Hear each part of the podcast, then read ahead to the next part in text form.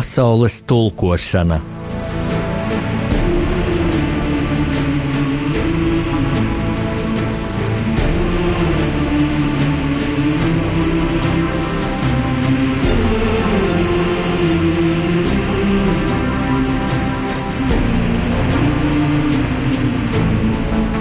Studijā rakstnieks Jānis Udris.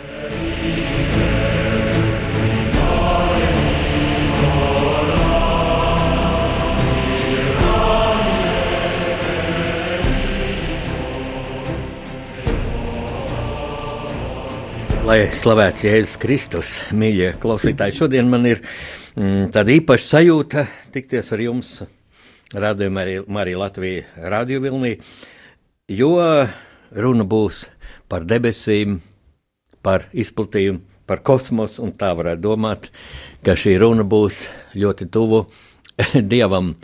E, patiesībā tā arī ir, jo mm, es tā apsteidzot šo stundu, ko pavadīšu ar jums, var teikt, ka mm, caur šīm kosmosa pārdomām es izdarīju galveno secinājumu, ka iedziļinoties šajā kosmisko lidojumu paradigmā, kas sākās tātad pirms, pirms 57 gadiem, un tas jau gandrīz cilvēka mūžs ir sākās 1961. gada 12. aprīlī ar Padomju Savienības kosmonautu Juriju Gagārinu lidojumu kosmosā. Lūk, eh, ka šī mm, paradigma cilvēku domājošu cilvēku patiešām homo sapiens vārda mm, cienīgu dzīvu būtni, noved pie dziļas kristīgas pārliecības, pie mm, dieva sastapšanas, pie dieva ļoti būtisks lomas cilvēka dzīvē. Bet tātad sāksim pēc kārtas ar šo chronoloģiju. 61. gada 12. aprīlis, mm, es to, to laiku biju vēl puika, um, un es šo vēsti par pirmo mm, cilvēku lidojumu kosmosā mm, izdzirdēju ļoti neparastā situācijā. Uz uh, robežas ielas, es tajā rajonā dzīvoju, es gāju uz veikalu. Uh, saskrējās divas automašīnas. Viena strauji bremzēja, otra ieskrēja aizmugurē. Bija arī kāds um, cilvēks smagi ievainots. Vienā mašīnā. Mēs tur pieskrējām, lūkojam, ko palīdzēt. Un tajā brīdī vienā no šīm mašīnām ļoti skaļi darbojās rādio, kas paziņoja tādā aizkapa balsī šis ģeniālais diktors Levitāns ziņoja, ka runā visas PSRS radiostacijas un ka cilvēks ir pirmo reizi kosmosā un ka tas ir padomju Savienības pilsonis Jurijs Gagārins.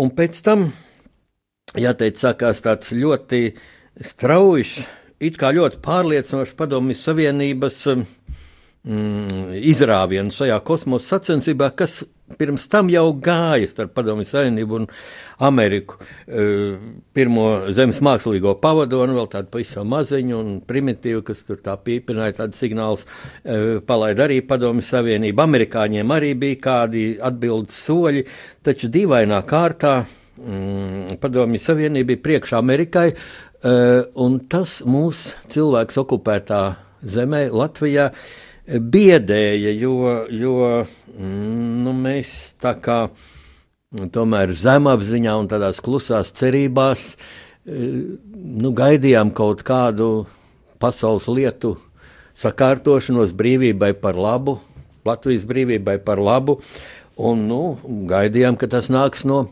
Amerikas. Lai gan, protams, nevarējām iztēloties, kā tas īstenībā vēsturē notiks, bet tā bija.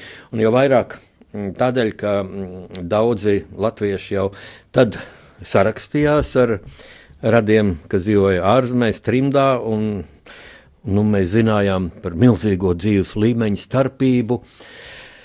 Oi, mēs redzējām, Maskavā bija 57. gadā notikusi Amerikas rūpniecības izstāde, un Tur arī kādi latvieši bija aizbraukuši un atveduši šīs izstādes prospektiņas ar fantastiskām amerikāņu mašīnām, fantastiskām virtuves iekārtām un citām tehnoloģijām, par kurām padomju senība varēja tikai sapņot. Tajā laikā krāsa televizori bija Amerikā, un pēkšņi bija pat tā grūti izprast, kā tāda tāds liels izrāviens padomju Savienībai, uz ko Amerika atbildēja stipri pieticīgi. Lūk, 61. gada 12. aprīlī tātad ar kuģi Vostok 1 lido Jurijs Gagārins, pēc tam jau tā paša gada 6. augustā Nu, Gagārins vienreiz aplidoja Zemē, apmēram stundas lidojums ilga, bet otrais kosmonauts Hermans Titovs, kurš pirms tam Gagārina bija dublējis, nu, rez, rezerves kosmonauts bijis.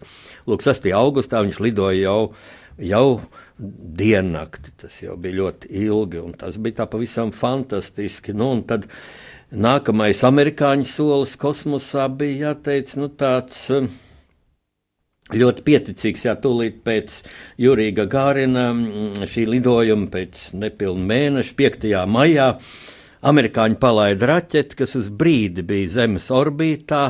15 minūtes, lūk, tādā Zemes orbītā lidoja Alans Šepards, nu, bet tas bija mm, nu, stipri margināli salīdzinot ar šo Jurija Gārina lidojumu, cilvēku pirmo lidojumu kosmosā, kas bija stundu. Nu, un pēc tam jau Mēs ļoti priecājāmies, ka 1962. 62. gada februārī lidoja Džons Glens, vēlākais Amerikas senators, vēlākais, nu, gados vecākais mm, pasaules astronauts, jo Džons Glens pēc tam lidoja arī uh, arī mm, pagājušā gadsimta beigās ar vienu no challengeriem, 77 gadu vecumā, fantastiski. Bet toreiz, lūk, 62.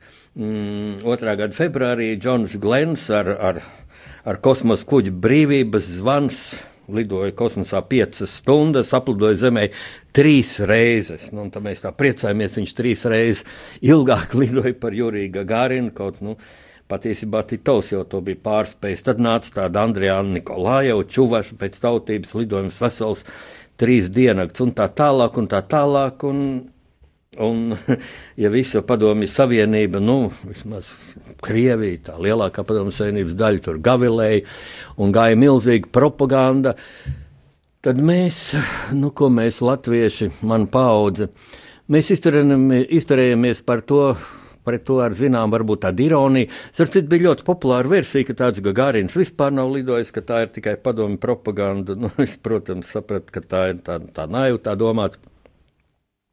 Bija tautā tāda folklora parādījusies, kā tur bija tie Kremlī rīkots baigais rauts, ir uzspērts gaisā kosmonauts, rēsts un dzerts, nu tiek bez sāta un retais ir pie pilna prāta. Nu, lūk, Čeka tur mēģināja atrast, kas to ir sacerējis, kas izplatīja dzējolīt, un tā tālāk, un tā tālāk.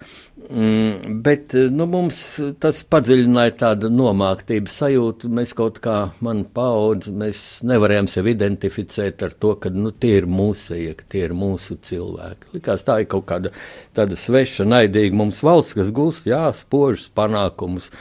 63. gadā pirmā sieviete kosmosā, Valentīna Tereškova. Un brīdi pēc tam, jā, pirmais grupveida lidojums, lido vēl viens padomju savienības kosmosa kuģis. Un, un, un šie kuģi sazinās savā starpā, un jau kaut kas pavisam fantastisks. Nu, tagad ir gājis laiks, un mēs zinām, ka tur bija ļoti daudz blefošanas. Piemēram, Jurija Gagārina lidojums bija ārkārtīgi, ārkārtīgi riskants un bija sagatavoti mm, paziņošanai, publiskai paziņošanai. Divi, divi šie teksti. Viens par šo veiksmīgo lidojumu, nu, un otrs, ka dziļās sērās tiek paziņots, ka kosmonauts ir gājis bojā. Vai, kad es minu šo tā saucamo grupu veidu lidojumu, kur lidoja padomju kosmonauti Bikovskis un Tereškova, katrs savā kosmosa kuģī. Eh, tad tas nebija nekāds grupu veidu lidojums, vienkārši divi kosmosa kuģi tika palaisti. Ja, kamēr viens ir vienā pusē planētai, palaiž vēl otru, lai, lai, viņi, lai būtu normāli radiosakari iespējami gan ar vienu, gan ar otru. Patiesībā viņam nekādu kontaktu nebija. Tas viss notika, lai demonstrētu padomu savienības pārākumu, pie tam militāro pārākumu, jo šīs varenās kosmosa raķetes, kuras nu, padomju savienības zinātniekiem kaut kā bija izdevies pirmajam uztaustīt to optimālo variantu, kā radīt šo milzīgo vilkli, kas paceļ aizvien, aizvien smagākus kosmosa mm, kuģus Zemē ap orbītu. Un tā bija militārā sacensība, un par to mēs baidījāmies, jo, jo vēsture māca, ka visa šī padomju Savienības ideoloģija gal galā bija balstīta jau pēc bolševiku apvērsuma 17. gadā, kad bolševiki sagrāva varu Krievijā. Uh, iznīcināja demokrātiju, demokrātisko parlamentu. Lūk, tad bija šī pasaules revolūcijas tēze. Mēs jau apmēram tā arī zinājām, protams, skolā to nemācīja, bet mēs tā zinājām, ka arī otrā pasaules kara beigās e, Padomju Savienība bija ļoti tuvu tam, lai ar savu milzīgo armiju gāstos iekšā vēl tālāk, e, Rietumē Eiropā un aiziet līdz Lamanšam, iekarot Eiropu. Nu, tagad šīs raķešu pārsvars Nu, tur bija ko padomāt. Un tad Amerikas balss radiostacija, kur cilvēki Latvijā klausījās, tā bija ļoti populāra manā jaunībā. Mm, lūk, atnes tādu iepriecinošu, bet arī mazliet pārsteidzošu, likās ļoti mm, pārgalvīgu vēsti, ka Amerikas prezidents Džons Kenedijs bija paziņojis ka vēl šajā gada desmitā amerikāņi būs uz mēnesi. Tas likās pilnīgi fantastiski. Nu, nu kā tas tā var būt, ja Padomju Savienība ir tik milzīgs, tik milzīgs pārsvars un gājušie 60. gadi tomēr tādā milzīgā, milzīgā Padomju Savienības dominantē kosmosā. Tāpēc arī šī kosmonautikas diena, jo šī diena Padomju Savienībā bija nu, kosmonautikas diena. Tā nebija brīvdiena, tā nebija svētku diena, bet tā bija lūk, atzīmējamā diena. Un kad šie kosmonauti pēc savu, savas kosmosa misijas atgriezās Maskavā, tad viņi sagaidīja mm, Padomju Savienības komunistiskās partijas ģenerālsekretārs. Tas bija Nikita Hruščovs.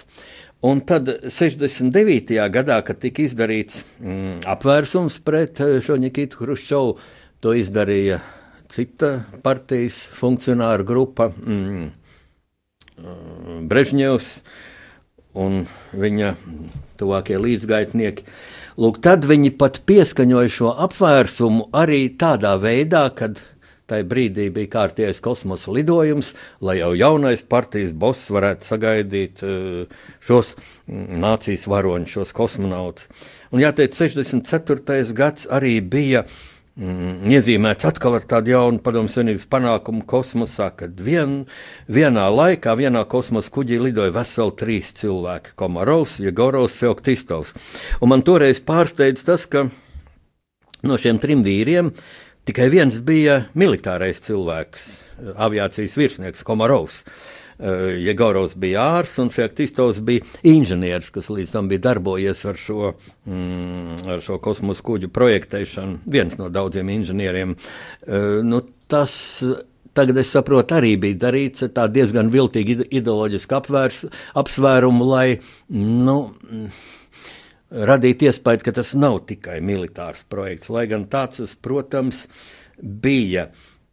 Un tad, lūk, nāca 67. gads, kas iezīmējās ļoti traģiski abās valstīs. Ja Amerikā, Amerikas pusē līdz tam bija tāds klusums, mēs varam atrast atrast dokumentos, ka bija kāda eksperimenta kosmosā, bija kāda lidojuma, bet tie bija tādi super margināli, vēl eksperimentāli gatavojoties. Lūk, šīs Džona Kennedy izsludinātās grandiozās kosmosa programmas realizācijai. Un tad nāca 67. gada 27. janvāris, ārkārtīgi skumjš notikums, kad trīs nedēļas pirms paredzētā Apollo 1 starta Šī mēneša programma saucās Apollo. Šajā Apollo 1 kuģī uz Zemes pārbaudot šī kosmosa kuģa tur iekšējās iekārtas, izcēlas ugunsgrēks. Un sadega trīs astronauti, brīnišķīgi amerikāņu puiši, Grisons, Vaits un Čafijs. Mm, un tas notika ļoti traģiski un arī man tagad nāk prātā, ka cik briesmīgi, ka nebija komunikācija šajā kopīgajā kosmosa izpētē starp Ameriku un Padomju Savienību. Tieši otrādi viss tika slēpts. E, šie kosmonauti sadeg tādēļ, astronauti, jāteic, amerikāņiem ir astronauti no angļu valodas vārda. Astro, kosmos, tas ir krievu vārds. Sadeg tādēļ, ka šajos kosmosa kuģos bija elpošanai paredzēts skābeklis, kas ir jā, brīnišķīgi organismam. Skābeklis viegli elpot, bet skābeklis ir bīstams, jo ir uzliesmojošs un radās lūk. Ugunsgrēks, un šie puiši tur sadega, un glābēji pat nevar atvērt kosmosa kuģi, jo skābeklis sadeg, radās vakums, un šīs lūks nebija atveramas. Tās bija Amerikā Nacionālās sēras, tika šī programma apturēta uz 20 mēnešiem. Un slikti tādēļ, ka, ka šī sadarbība, informācijas apmaiņa nenotika, ka arī pirms Jurija Gārina lidojuma viens PSRS kosmonauts nu, kosmo, nu, nākamais kosmonauts, ja sauksim par kosmonautiem, arī tāds, kas tiek gatavot šim lidojumam, bet nav vēl lidojuši.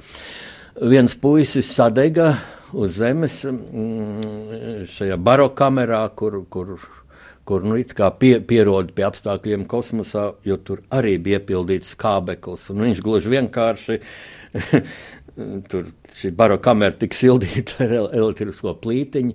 Daudz tādu primitīvu momentu arī, kā tagad zinām, notika šajos ko kosmosa sagatavošanas darbos. Un viņš tur uzmeta vats tamponu ar, ar, ar, ar spirtu, ar kur bija mazgājis sev rokas, savu ķermeni, jo nu, viņam bija tādi visu laiku jāpieliek vadiņi, ar kur mērīja viņa sirds stāvokli, sirdsdarbību. Un, un citas organismu funkcijas. Viņš pēc tam nomazgājis bija un, un, un gribēja izmest atkritumu uh, urnā un trāpīja uz tās plītiņas un uzliesmoja un puisis sadega. Un tad 67. gads iezīmēja vēl vienu briesmīgu notikumu. 24. aprīlī gāja bojā padomu kosmonauts Komarovs. Tas pats Komarovs, kurš bija lidojis šajā trīs vīru e, kuģī, pirms trim gadiem mm, Pulkvedis Komarovs. Uh, interesanti, ka viņš tātad kļuva pirmais uh, kosmonauts, kurš gāja bojā kosmiskā lidojuma laikā. Viņš arī bija pirmais pasaulē kosmonauts vai astronauts, kas ir lidojis divreiz. Un man tagad, zinot šīs viņa bojājas apstākļus, uh, liekas, kā tas ir iespējams, ka tik ģeniālus sasniegums izrauties no Zemes orbītas, no Zemes pievilkšanas spēka, mm, apgūt kosmosa plašums, kā ir iespējams ar tik primitīvu attieksmi, tik, tik ārkārtīgi nihilistisku attieksmi pret cilvēka dzīvību. Uh, Jo mm, tagad, kā stāsta pārējie kosmonauti, šī komarau draugi, kā stāsta viņa sieva, viņš bija jutis tā tādu nolemtību. Viņš bija pat sievai teicis, ka viņš laikam neatgriezīsies vairāk. Viņš pat no kosmosa bija ar sievu runājis un, un devis kādus, kādus nu, vēlējumus, kā audzināt bērnus. Jo viņš bija jūtis, ka šis lidojums tiek ļoti sasteigts. Un vēlāk bija tādas liecības, ka lūk, nu, šis um, kosmosa kuģis, kad beidz lidojumu, kad nonāk jau atmosfēras slāņos un milzīgā ātrumā krīt uz Zemi, tad atveras izpletņi, milzīgi izpletņi, kas nobremzē šo kritienu, un, un kuģis lēnām nosēž, un kosmonauts paliek dzīvs. Un, lūk, nu, kas var būt vienkāršāk, kā ielikt kārtīgi salocīt un ielikt attiecīgā konteinerā šo izpletni. Ja?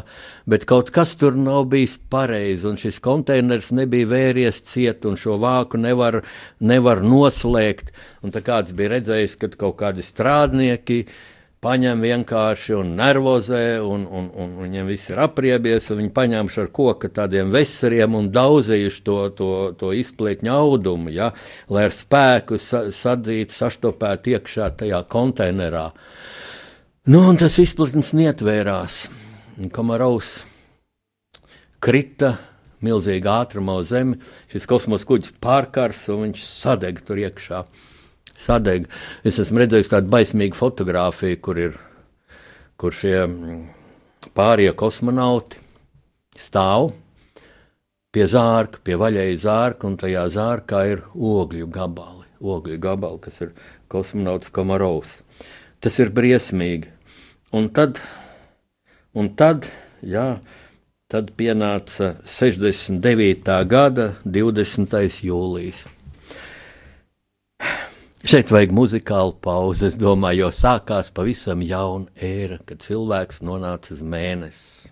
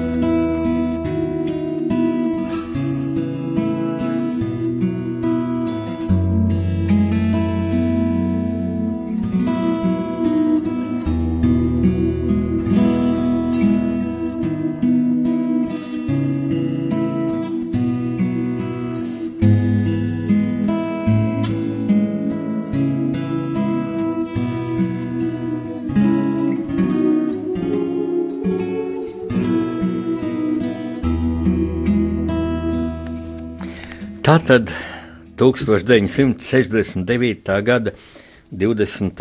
jūlijas ir tas datums, uz kuru es pārceļos šeit no Radio Marijas Latvijas studijas. Esmu rakstnieks Jānis Udrs un stāstu par to, kā Padomju Savienība un Amerikas Savienotās valstis iekaroja kosmosu, un tagad jau amerikāņi iekaroja arī mēnesi. Lūk, mēs esam šajā brīdī, 20.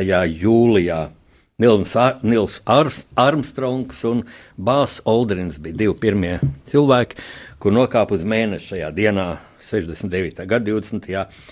jūlijā. Latvijā bija saulaina diena, mēs atkal klausījāmies Amerikas balsi, dzirdējām šo Nila Armstronga balsi.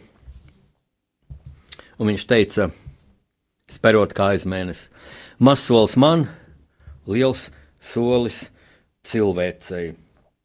Un tas bija brīnišķīgs gadījums arī politiskajā dzīvē, kad viena prezidenta, Džona Kenedija, vārdi bija piepildījušies, piepildījušies ar uzviju. Džons Kenedijs teica, šajā desmitgadē, desmit gadu laikā amerikāņi būs mēnesis. Viņš to teica 61. gadā, un tas piepildījās 69. gadā.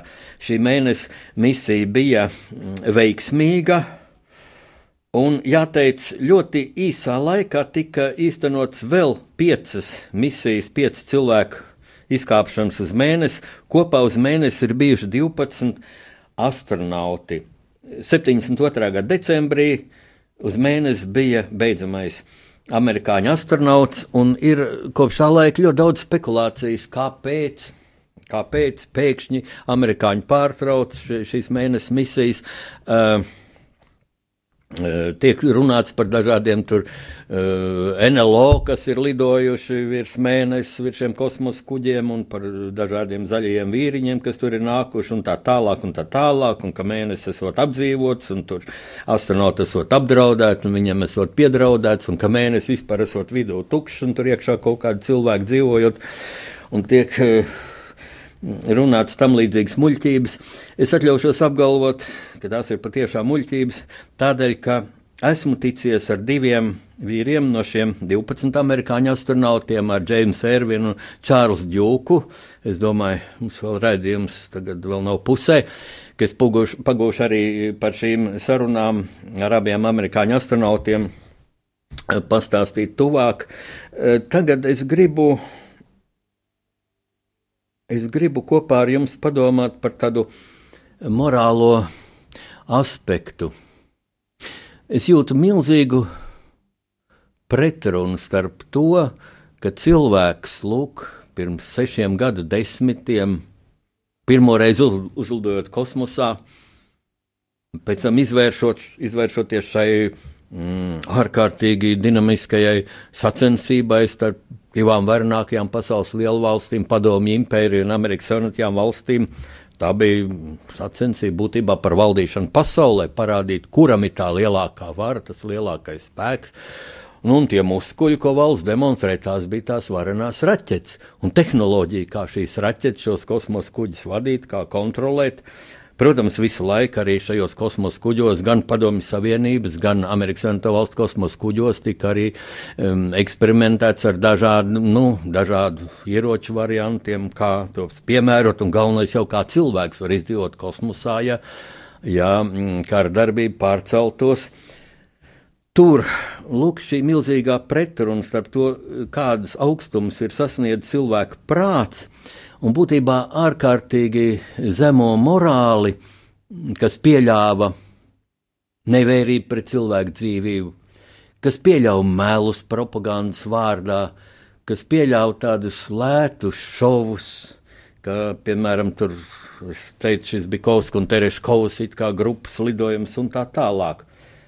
Paralēli tādiem eksperimentiem, kas bija vajadzīgi cilvēku pirmā iziešana no kosmosa kuģa atklātā kosmosā, kur atkal padomju savienība bija priekšā. Tas pirmais vīrs, kas izgāja atklātā kosmosā, bija Leonovs. Leonovs. Tajā pašā laikā pēc kosmosa lidojuma radās smagas veselības problēmas Hermanim Titovam, otrajam kosmonautam. Atkal nekāda informācija Bet abas valsts varēja ap, apmainīties ar informāciju, kādas ir šīs saslimšanas, šīs veselības problēmas, ko ar tām darīt.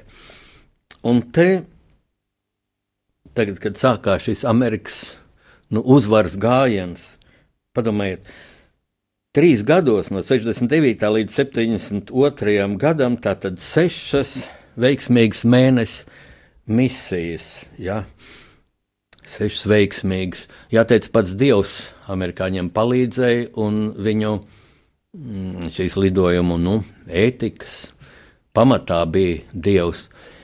Kamēr šis simpātiskais Krievs puisis, Jurijs Gagārins. Nu, viņš tā bija audzināts, viņam tā bija likts, un viņš kādā preses konferencē, ka viņam viens žurnālists, nu arī ne no tiem gudrākajiem, prasīja, Manuprāt, tas bija kāds padomju savienības žurnālists. Prasīja, nu, jūs tur bijāt kosmosā, jūs tur dievu redzējāt? Nē, es tur dievu neredzēju. Un tagad, kad Krievijā nu, arī ir formāla demokrātija, nu, mēs zinām, ka nu, tā ir demokrātija tādā putiniskā izpratnē, taču masu mēdījos var atrast daudz informācijas, arī patiesas par šiem kosmosa lidojumiem. Un tad es uzzinu, ka vecā māte bērnībā to mazo jūriju tomēr bija slepeni nokristījusi. Tas bija kara laikā, tā var saprast. Viņi dzīvoja laukos, ļoti nabadzīgi dzīvoja. Um, var uzzināt, ka bija liels diskusijas, vai viņš drīkst lidot kosmosā, jo viņš taču ir bijis Vācu okupētā teritorijā. Tur tā, tā grūti saprast, bet Padomju Savienībā jau bija tāda uh, anketa, tāda, nu, kadra anketa, kad stājies darbā vai augstskolā, vai gribēja braukt uz ārzemēm, tur bija dažādiem jautājumiem jāatbild, un viens no tiem jautājumiem bija, vai tu esi bijis. Um, mm, uh, Vācu gūstā vai Vācu okupētā teritorijā. Un tā kā Vācija bija, bija okupējusi milzīgu Krievijas teritoriju, tad tur bija milzums cilvēku. Un piedāvām vēl šī Jurīga Gārina e, brālis un māsas, kas bija vecāki, viņas vācieši bija aizzinuši darbā uz Vāciju. Vēlāk viņi atgriezās, bet nu, tas jau bija briesmīgi, ja nu viņi savērvētu par vācu spiegiem.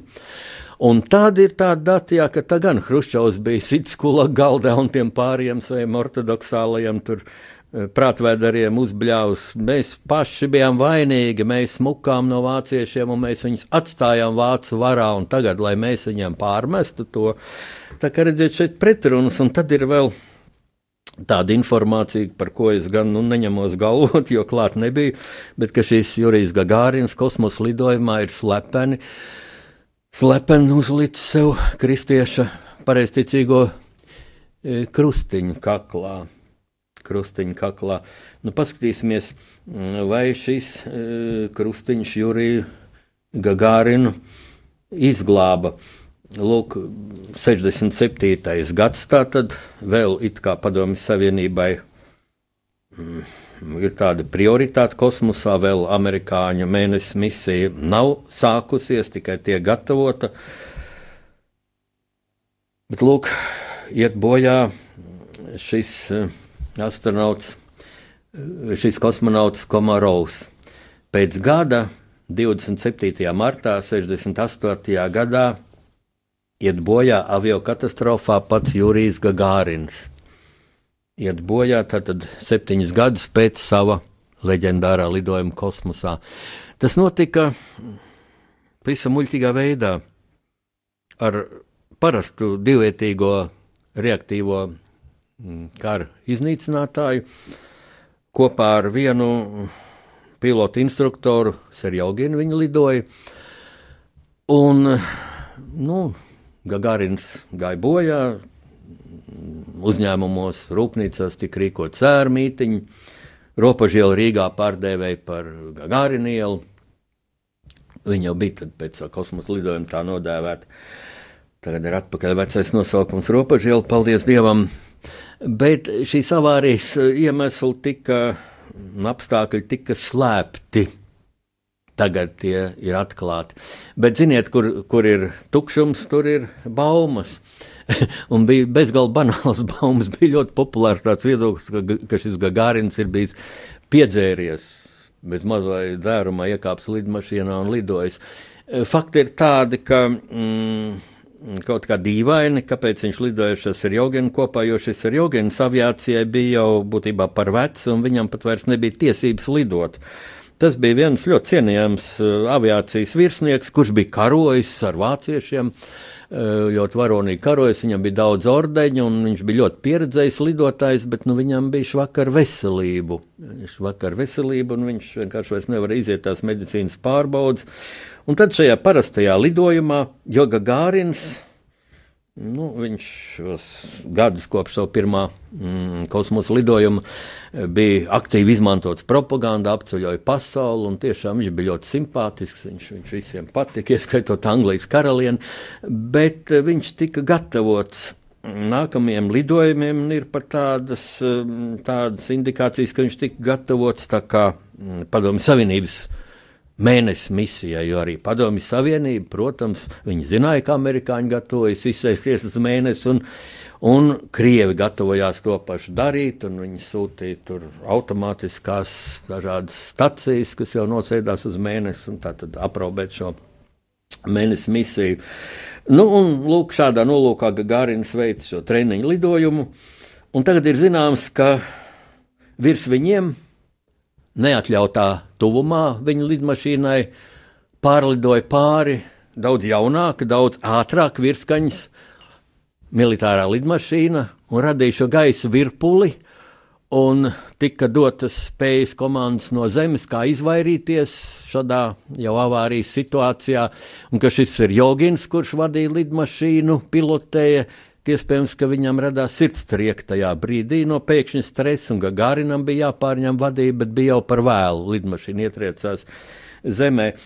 Tas bija ļoti traģiski. Un jāteic, tad arī ar šo, šo kosmonautu nāvi sākās Padomju Savienībai tāda neveiksmi sērija kur vēlāk paskatoties, var redzēt, ka nekā fatāla tur nebija, ka tā bija tā pati necieņa pret cilvēka dzīvība, tā pati propagandas prioritāte. Lūk, pienāca 71. gada 30. jūnijas, kad pēc it kā veiksmīga kosmosa lidojuma gāja bojā veseli trīs krievu kosmonauti - Dobrovoļskis, Volkovs un pats Sājevs. Un tā nav, un bija vienkārši, nu, man grūti atrast vārdus, lai pateiktu, es teiktu, padomju režīms viņus noslepkavoja, jo, kad tagad lasu šī lidojuma apraksta, būtībā kosmosa kuģis, kurā viņi lidoja, bija paredzēts normāli diviem cilvēkiem. Diviem cilvēkiem, kas starta brīdī un nosēšanās brīdī ir tērpts skafandros, bet cilvēks skafandrā aizņem daudz vairāk vietas. Un šis padomi režīms bija izdomājis, nu jau amerikāņi ir tātad uz mēnesi, nu kaut ko ir jāliek pretī, cik veiksmīgi viņi lido, tātad trīsvietīgs kosmosa kuģis bet nu, trīs vīri tur nevar sajiet un darboties normāli. Un tad lūk, šie kosmonauti kāpa kosmosa kuģī, viņiem pavēlēja kāpt tur iekšā bez skafandriem, vienkārši treniņu tērpos ar armijas laiviņām galvās. Un tas arī viņus pazudināja, jo sēžoties, beidzoties lidojumam, jau izrādījās, ka gluži vienkārši viens no kaut kādiem ventiļiem bija nekvalitatīvs un sāk ieplūst gaiss, pie tam tik ārka, sāk izplūst gaiss, jo kuģis taču atradās vakumā, kosmiskās telpas vakumā. Un šis gaiss tik strauji izplūda, ka kosmonauts zaudēja samaņu un nepagūšo vārstuli aizvērt. Nepagūšo vārstuli aizvērt, un viņi kuģis nosēdās normāli zemes, bet šie kosmonauti bija miruši. Viņiem, kā teica, viņiem uzvārījās asinis Krievu. Tā atziņās bija Skipela Krofa uzvārījās asinis. Nedomājieties, ja ja pēkšņi pilnīgā vakumā cilvēks ir. Un tas bija briesmīgi. Tik rīkots grēsns bēres, tas bija derdzīgi, šī neciņa pret cilvēku dzīvību. Nu, jāteic, bija arī traģisks gadījums ar Apollo 13. Šis kuģis lidojot avarēja jau lidojuma pirmā sākuma fāzē, ieejot orbītā, jo šis mēnesis šie mēnesis kosmosa kuģi sastāv no divām daļām. No tā parastā kuģa un tās daļas, vēl, kas nosēdīsies mēnesis. Lūk. Un šajā pamatdaļā uzsprāga viens no skābekļa rezervuāriem. Ja, rezultātā tur radās vesela virkne problēmu, ka nepietiks skābekļa un, un, un, un nepietiks degvielas un tā tālāk. Un tā tālāk. Bet nu, astronauti bija dzīvi, un te parādījās tiešām tāds amerikāņu. Nu, domas ģēnijs, saliedētība, komandas gars, cieņa pret cilvēku dzīvību. Iepratim šim padomu režīmam, šai tumsonībai. Un uh, tika atrasts ģeniāls risinājums, ka šie trīs astronauti pārgāja to mēnesi nosēšanās kabīni, kam vajadzēja nosēsties uz mēnesi, un ar to nosēdās uz zemes. Un par to ir uzņemta brīnišķīga filma kas tā arī saucas Apollo 13, kur šī kuģa komandieri tēlo Toms Hanks. Mēs esam pieraduši, ka Toms Hanks ir ģeniāls amerikāņu aktieris, ka viņš tāds tā kā komiķis mazliet tā, bet šeit viņš tēlo ārkārtīgi vīrišķīgu, ārkārtīgi profesionālu un tādu cilvēcīgu mm, komandieri. Un man ļoti aizkustināja tāda epizode te filmā, ka nu, kosmosa kuģis tā tad Amerika, visa Amerika seko ar aizturēt telpu, kas uz tā kuģa notiek, kā viņš nāk uz zemes, atpakaļ, kā tur būs. Un domā, kā šī astronauta mammai pateikt, viņa dzīvo veco ļaužu pansionātā, un ka nu vecā dāma kaut kā nedabūna sirdsrieku vai tā, un tad tā vedekla mm, aiziet pie viņas, saka, tu zinomīt, tas kuģis viņam tur kaut kas tā kā sabo, sabojājās un zināms problēmas, bet gan jau būs labi. Un tā vecenīte saka, nu, ja tas ir mans dēls, viņš kaut ar veļas mazgājumu mašīnu nosēdīsies uz zemes. Un tas bija brīnišķīgi. Nu, lūk, bet tagad es gribu pievērsties saviem diviem draugiem, kas ir bijuši uz mēnesi, ar kuriem es esmu ticies. Vēl tikai pateikšu tā, ka lūk, 72. gadā, decembrī, bija pēdējais amerikānis uz mēnesi, pēc tam gluži vienkārši tika pārtraukts finansējums šiem cilvēkiem projektiem, lai kādas nebūtu baumas un tankas par to. Um, tankas un baumas bezgalīgi banāls, ieskaitot to, ka mm, amerikāņi nemaz nav bijuši uz mēnesi. Dīvainā kārtā mm, šādas baumas izplatīja arī paši amerikāņi, un tur ir tādi bezgalīgi muļķīgi argumenti. Piemēram, ir video kadri, kur uh, šis mm, Nils Armstrongs iesprāda uz mēnesi gruntē, gruntī um, Amerikas karogu, un šis karogs uh, plīvo. Un tad, lūk, tāda prātvēda ir izgudrojuši, bet mēnesis jau karogs nevar plīvo, plīvot, tur, tur nav atmosfēra tik, tik blīva, un viņam vajadzēja nokarāties. Ja. Un ienāk prātā gluži vienkārši, ka amerikāņi gatavojot šo uh, lidojumu, domājot par propagandas momentiem, arī gribēja, lai karogs būtu redzams, un gluži viel, vienkārši ielikt tur tādu atspērīgu stiepli, kas to karogu nospriego, un, un karogs ilgi vibrēja no tā, ka viņš bija iesprāstīts zemē, un tieši tādēļ, ka tur retināta atmosfēra, šī vibrācija bija ļoti ilga. Un tad vēl kaut ko es dzirdēju, nu kā tā var būt, ka tas Armstrongs sperot kāju uz mēnesi, stresa situācijā, nu pēkšņi tik skaidrs vārds, varēja pateikt, tik skaistas vārds, mazs solis man, liels solis cilvēcei. Bet, mīļie cilvēki, nu, protams, ka viņš to neizdomāja tajā brīdī. To bija gudri cilvēki izdomājuši, jau pateikuši viņam, un viņš to To bija labi iestudējis un pateicis, un labi, ka viņš tā darīja. Starp citu, mm, šie kadri katrs ir redzējis, ka Jurijs Gagārins lūk smaidot kosmos kuģi, kosmos kuģi startē, viņš saka, paiehaļi, braucam tā, tad lidojam, ja. Tie kadri visi ir uzfilmēti pēc tam, jo lidojuma laikā jau nebija laika par to domāt. Gagārina lidojums bija diezgan dramatisks, diezgan dramatisks. Tur bija pat tā, ka viņš varēja aiziet bojā, viņam vajadzēja jo šī automātiskā kuģa vadības sistēma pēkšņi at, atteicās kalpot, kuģi sāk mētāt, viņš kūleņoja un bija jāpāriet uz rokas vadības sistēmu, un padomju režīms savā, savā šausmīgajā muļķībā bija iztaisījis tā.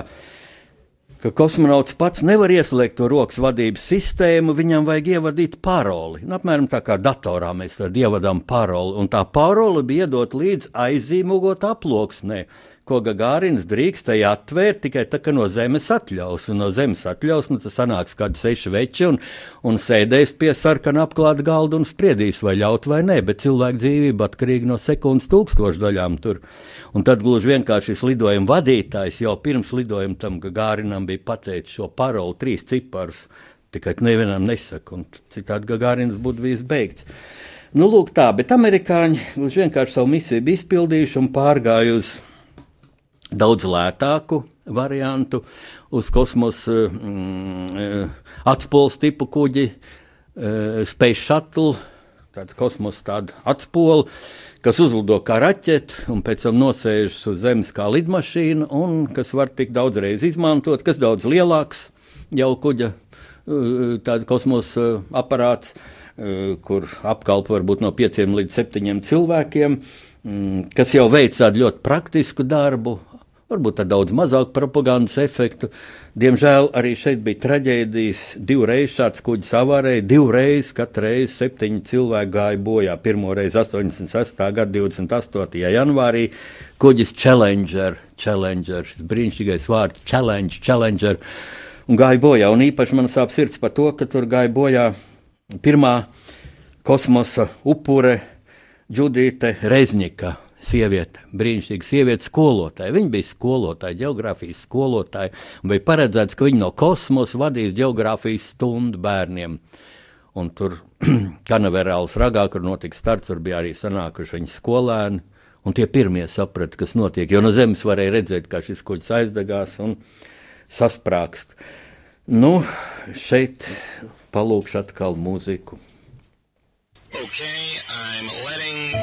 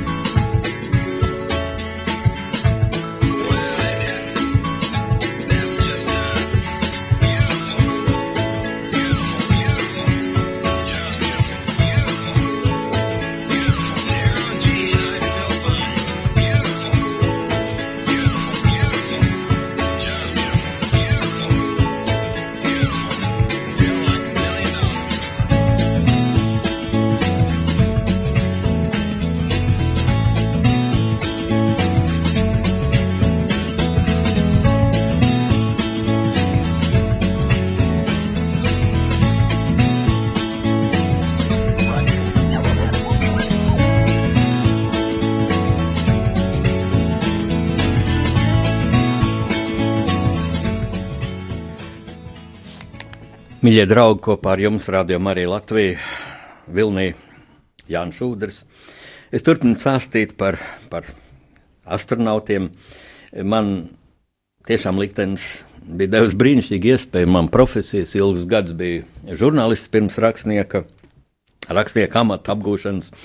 Uh, Un esmu ticies ar diviem amerikāņu astronautiem, Jamesu Ervinu un Čārlis Džuku. Pēc tam ticies trīs reizes ar Jamesu Ervinu. Man bija lemts tikties pat atkārtoti. Mm, tas bija vēl 78. gadā. Es nejauši uzzināju. Man viens vecāks kolēģis pateica, ka ar vienu amerikāņu turistu grupu lūk ir ieradies mm, viens mm, amerikāņu astronauts.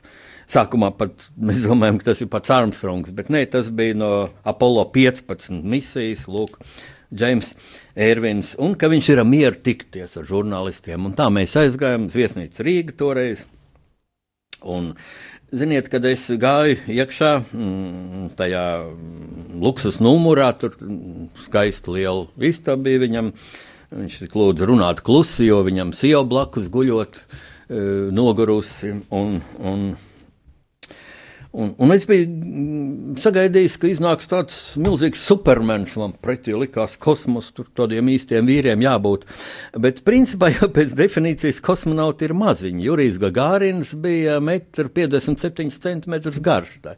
Iedomājieties, kā tas ir nomēriet, nu, jūs katrs zinat savu augumu, nu, tas ir izteikti mazs cilvēciņš, un būtībā tā ir, jo mazāks vīriņš, jo vairāk aparāts var ielikt tajā kosmosa kuģī, jo ērtāk viņam pašam tur ir e, kustēties, jo telpa jau ir ierobežota ļoti. Nu, lūk. un tā tad man pretī iznāca trausls vīrietis ar vieglu sirmumu, melnajos matos un puicisku smaidu, uh, sejā. Es tagad atzīšos, es uh, lasīšu kādu fragment no savas grāmatas, no savas pirmās grāmatas, man ļoti mīļās grāmatas, kas saucas no Berlīnas mūra līdz 38. paralēlei. Šajā grāmatā ir arī astronauta, abu astronautu fotografijas.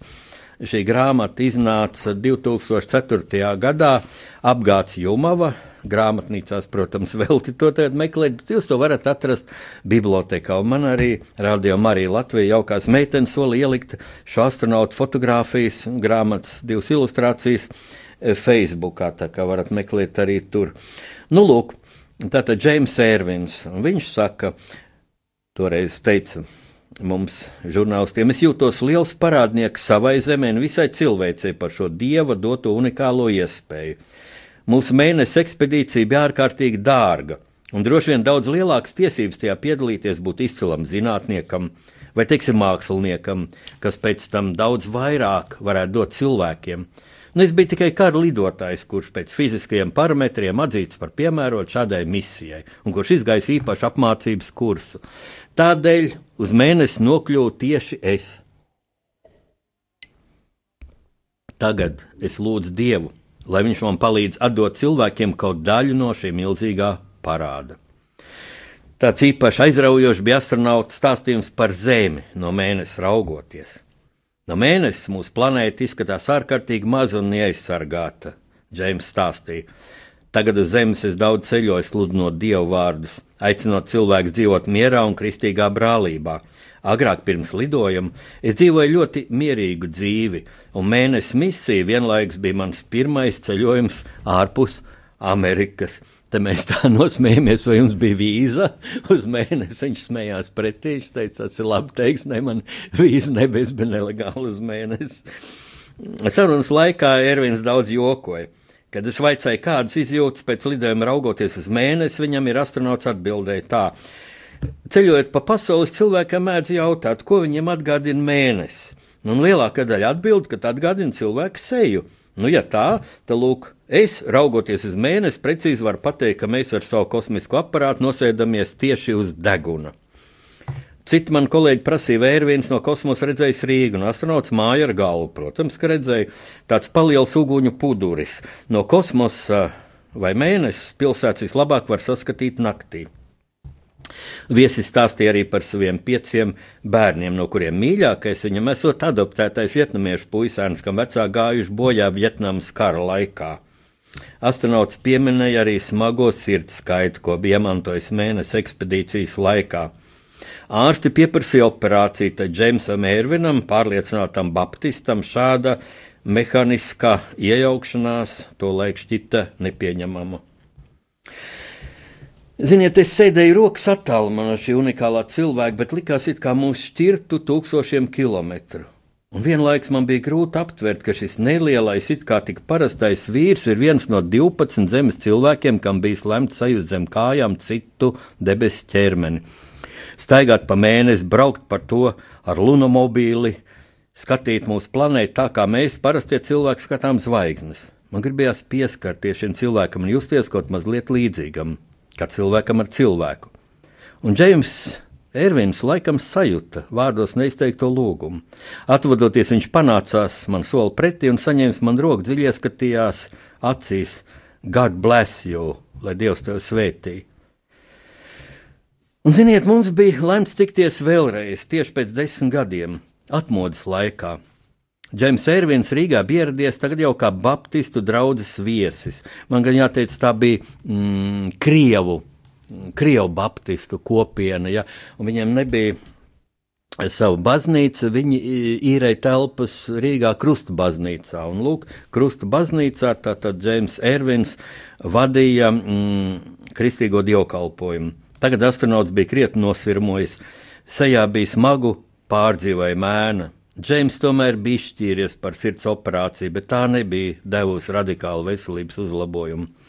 Daudz spēka Ervins atdeva arī intensīvajam sludinātāju darbam, vadot dienām, dienas pār, eh, savus dienas pārlidojumos no valsts uz valsti, pa visu pasauli. Acīm redzot, astronauta apziņā Zeme joprojām bija ļoti maza, un viņš varbūt arī jūtot sev atvēlētā laika iztecēšanu, steidzās būt iespējami vairāk vietās. Džeimsa sprediķis, būtībā tāda draudzīga saruna no Krusta baznīcas kanceles, bija veltīta dievu klātbūtnei cilvēka dzīvei. Astronauts runāja galvenokārt par personīgo pieredzi atbildīgākajos dzīves brīžos. Uz mēnesi man bija jāuzstāda sarežģīts konstrukcijas antena. Tur tā bija nogādāta salocītā veidā, un tagad man antena bija jāatver. Taču šis darbs negribēja veikties. Uz Zemes šī operācija bija neskatāms reizes izmēģināta, taču uz mēnesi priekšmeti ir daudz vieglāki, un arī roku kustības ir citādas. Es jūtu, ka man zūd spēki, sāk nervozēt, virsū mācās izmisums, un tad es iedomājos lūgt Dievu. Savā astronauta skafandrā nometies ceļos uz putekļienās mēnesis virsmas, es lūdzu, Dievs, tu esi vispēcīgs, palīdz man Dievs. To sakot no jauna pacēla roku, un šoreiz man antena izdevās atlocīt. Geologi pirms ekspedīcijas man bija devuši uzdevumu atrast starp visdažādākajiem mēnesi iežu paraugiem baltu akmeni. Tādam tur pēc viņa teorētiskiem apsvērumiem vajadzēja būt. Kaut grunts un akmeņas mēnesis ir pelēki pārsvarā. Es ilgi meklēju šādu akmeni. Bijām jau ar lunomobīlu nobraukuši maksimāli atļautu attālumu. Te es iestarpināšu 26 km. Viņš nobrauc, pamatīgs gabals, iedomājieties, uz mēnesi.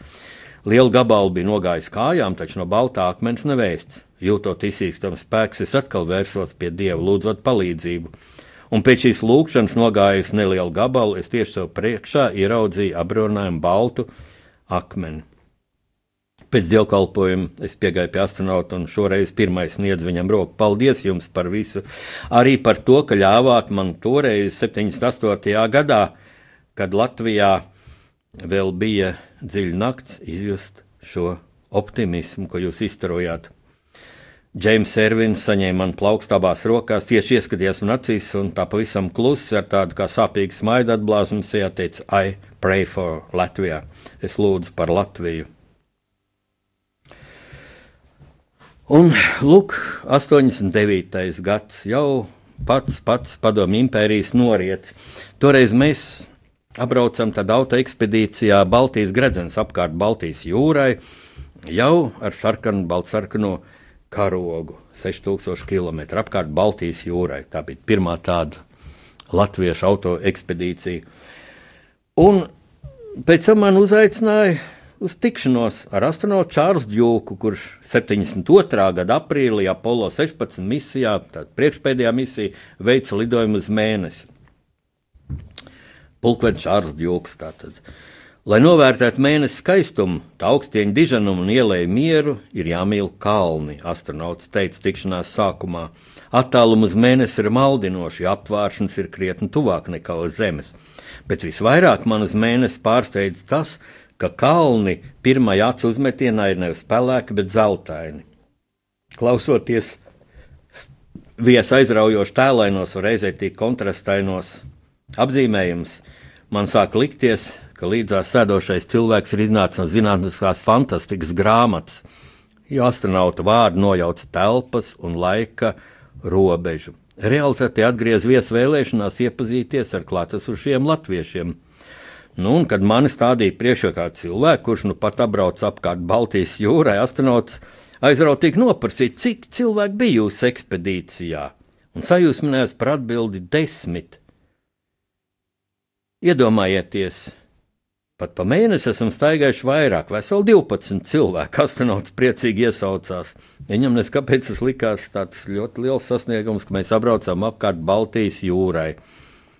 Un Atvaļinātais pulkvedis man uzdeva vēl vairākus ļoti konkrētus jautājumus par mūsu ekspedīciju, uzsverot, ka ceļš apkārt Baltijas jūrai, pat no kosmosa raugoties, esot vērā ņemams attālums. Čārls Džūks vairāk gribēja runāt par zemes dzīvi, nevis savu pieredzi uz mēnesi. Tā vai citādi šī misija saistoties ar viņu militāro pagātni, un tagad šī inteliģentā cilvēka domas daudz vairāk nodarbināja garīgā pasauli. Tieši mēnesis misijas iespējā astronauts bija pievērsies dieva vārda sludināšanai. Tā bija ļoti sirsnīga saruna par cilvēku savstarpējām attiecībām, par planētas mieru un ekoloģijas problēmām. Visvairāk sirdī man iekrita epizode, kurā Čārls Čūks stāstīja par savu garīgo saskarsmi ar Dievu tepat uz Zemes. Tas bija pirms dažiem gadiem, astronauts iesāka. Es braucu ar savu automašīnu Amerikā. Maģistrāla bija plaša un glūda, kā jau Amerikā, un es braucu ļoti ātri. Abās pusēs man tikpat lielā ātrumā drāzās citas mašīnas. Pēkšņi es ieraudzīju, ka no priekšā braucošās kravas automašīnas atdalās konteiners, un tieši man priekšā triecas pret autostrādi. Attālums bija par mazu, lai bremzētu, un katastrofa šķiet neizbēgama. Dievs, glāb! Man noplaiksnīja apziņā. Nākamajā mirklī es kā palēninātā kino lentē redzēju brīnumu. Milzīgā kaste ar stūri atcitusies pret betonu, paliecās un tuvu gar veistiklu aizlidoja pāri manas automašīnas jumtam. Dievu sargājošo roku es esmu jūtis vairāk kārt, arī uz mēnesi arī uz mēnesi, bet šī reize bija vistiešākā ticība dievam un paļāvība man izglāba no drošas nāves. Tā teica Čārls Džūks. Laikam gan katram no mums dzīvē bijis viens vai pat vairāk izšķirīgi brīži, kad esam sajutuši vai apjautuši dievu sargājošo roku. Īpaši, ja savā sirdī nesam paļāvību uz debesu un zemes radītāju. Ticība un paļāvība dara mūsu sirdis plašas, un atvērtas ar šodien. Ar šiem vārdiem es arī beidzu mūsu šīs dienas sarunu. Mīļie klausītāji, lai Dievs jūs svētī un sargā!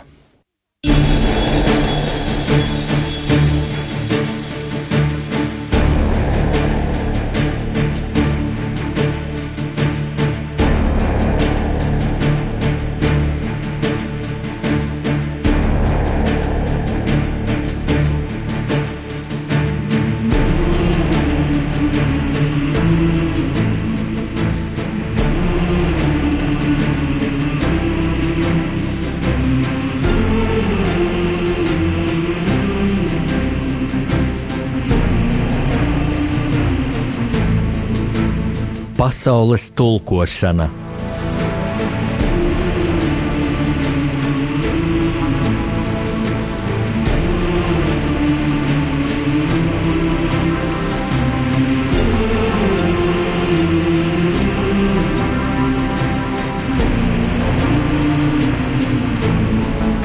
Studijā rakstnieks Jānis Udris.